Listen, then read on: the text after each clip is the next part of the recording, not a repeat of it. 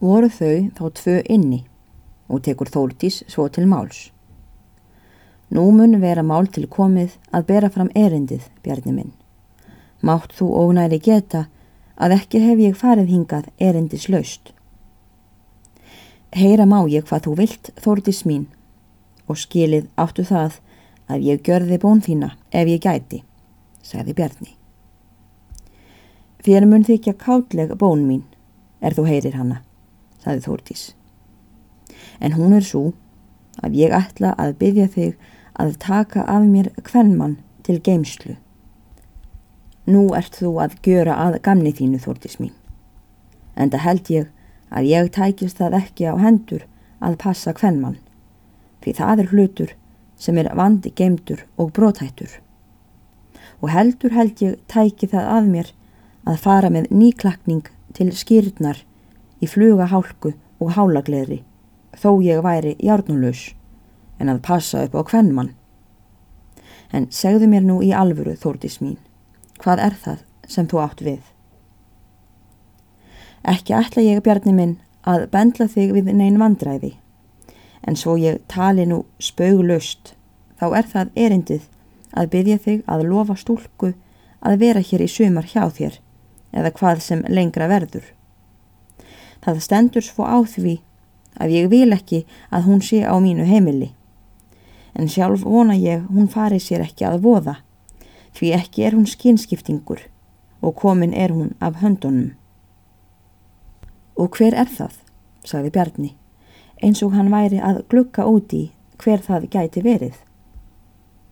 Sigurún fóstra mín, sagði Þórtís. Sigurún Þorstinsdóttir, sagði Bjarni.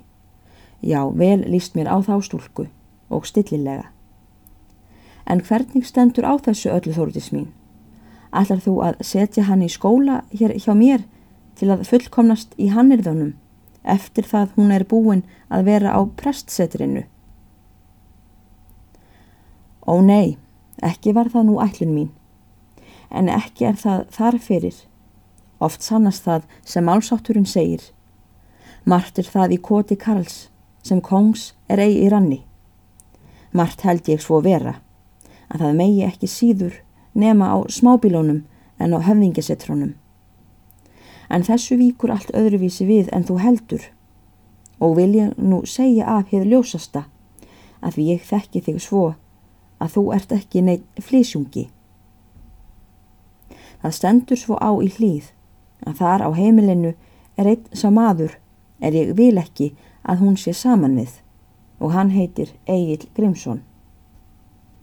Egil Grímsson, segir þú. Já, þekki ég þann mann að sjón.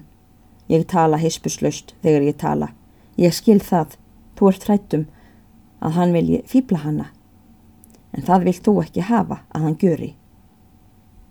Ekki er ég hrætt um það að hún verði ginningarfíbl eigils, en það get ég ímyndað mér að öfundarmenn hennar, ef nokkrir eru, kynni að ljósta því upp sem henni mætti verða til neysu ef hún er samtínis þeim manni sem allir vita að hefur farið að hlýð í þeim vændum að ná henni.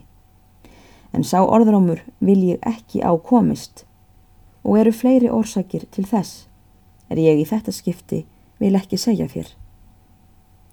Þætti mér það nú vináttu bragð, ef þú vildir verða við bænminni um þetta. Er það á vilji fóstruminnar sjálfrar að komast burt frá hlýð um hríð, á meðan eigil er þar á bæ. En vart mun hennar verða leitað í þínar hendur ef mig rétt grunnar. Bjarni hugsaði sig um nokkra stund og segir síðan Ég sé þér gengur stór nöðsin til þessarar bænar heilin góð. Það er fyrsta bænin sem þú byður mig. Láttu stúlkun að koma. Ekki skal ég henni ílt gjöra. En láta verður hún sér linda þó kotungslegur verði viðrugjörningurinn. Fyrir svo verður að búa sem á bæ er títt.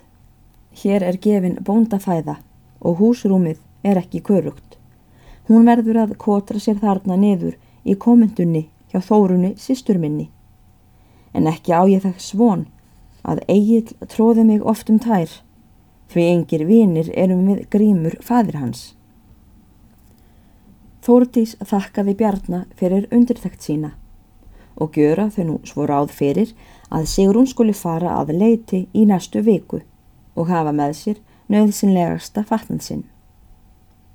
Býst Þórdís síðan til brottferðar og leiðir Bjarni hanna á götu út fyrir tungarð og segir henni á leiðinni ímsar skringilegar sögur er hann jafnan var vanur að segja vildarmönnum sínum og honum áður hefðu sagðar verið. Síðan skilja þau með mikilli vináttu og rýður húsfreyja heim til hlýðar og kemur þar, skömmu áður en sól gekk til viðar.